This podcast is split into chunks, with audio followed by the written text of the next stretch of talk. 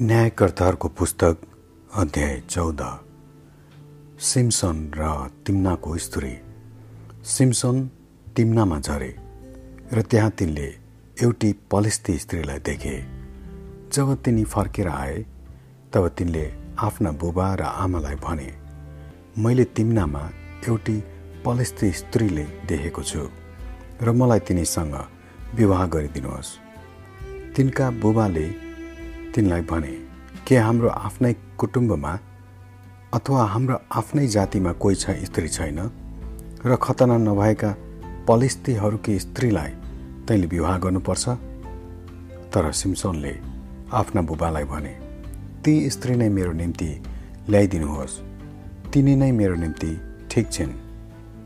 पलिस्तीहरू जो त्यसबेला इजरायलका शासक थिए उनीहरूका विरुद्धमा परमप्रभुले मौका हेर्दै हुनुहुन्छ र यसमा परमप्रभुको हात छ भने तिनका बुबा आमालाई थाहा थिएन।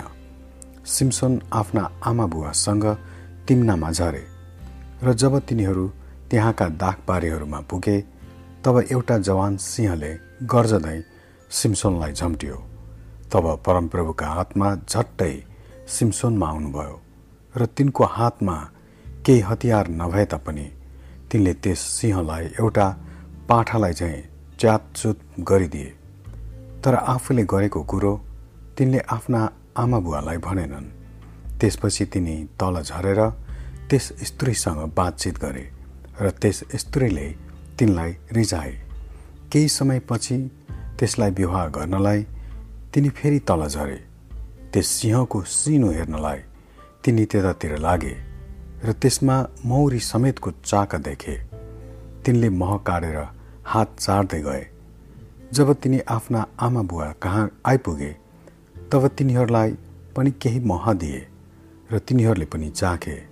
तर आफूले त्यो मह सिंहको सिनुबाट काटेको कुरो तिनले तिनीहरूलाई बताएनन्।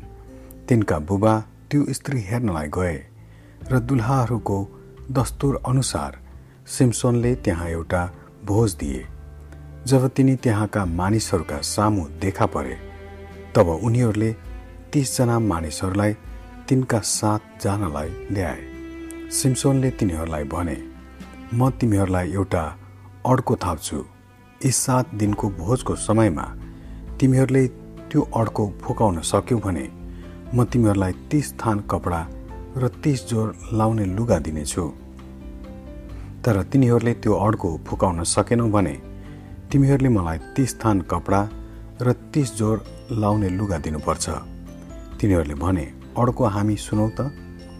तब तिनले तिनीहरूलाई भने खानेबाट खानेकुरो निस्क्यो बलियोबाट गुलियो निस्क्यो।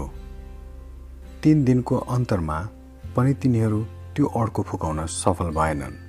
चौथो दिन तिनीहरूले सिम्सोनकी पत्नीलाई भने तिम्रा पतिलाई फकाऊ र तिनले तिमीलाई त्यो अड्को फुकाइदिउन् नत्र त हामी तिमीलाई र तिम्रा बाबाको घरलाई आगो लगाइदिनेछौँ। के तिमीले हामीलाई कङ्गाली तुल्याउनलाई निम्तो दियौ? तब सिम्सोनकी पत्नीले तिनको सामु रोइ रोइकन भने तपाईँ मलाई घृणा गर्नुहुन्छ। मलाई प्रेम गर्नुहुन्न।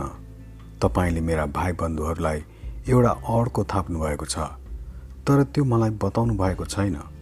तिनले त्यसलाई भने मैले त त्यो मेरा मातापितालाई पनि भनेको छैन। र के त्यो तिमीलाई भन्नु? तर भोजको सात दिन समाप्त नहुन्जेल त्यो तिनको सामुन्ने रोइ बसे। यसैले सातौँ दिनमा त्यसले साह्रै जिद्दी गरेको हुनाले तिनले त्यसलाई बताइदिए र त्यसले त्यो अर्को आफ्ना भाइ बन्धुहरूलाई बताइदिए। त्यसै दिन सूर्य अस्ताउन अघि सहरका मानिसहरूले सिम्सनलाई भने महभन्दा गुलियो के हुन्छ? सिंहभन्दा बलियो के हुन्छ र सिम्सोनले भने मेरो कोरेलीलाई नजोतेका भए तिमीहरूले यो अड्को फुकाउन सक्ने थिएनौ। तब परमप्रभुका आत्मा झट्टै सिम्सोनमा आउनुभयो। तिनी तल अस्कोलमा गए र त्यहाँ तिनले तिसजना मान्छे मारे र उनीहरूका चिजबिज उतारेर उनीहरूका लुगाहरू ती अर्को फुकाउने मानिसहरूलाई दिए।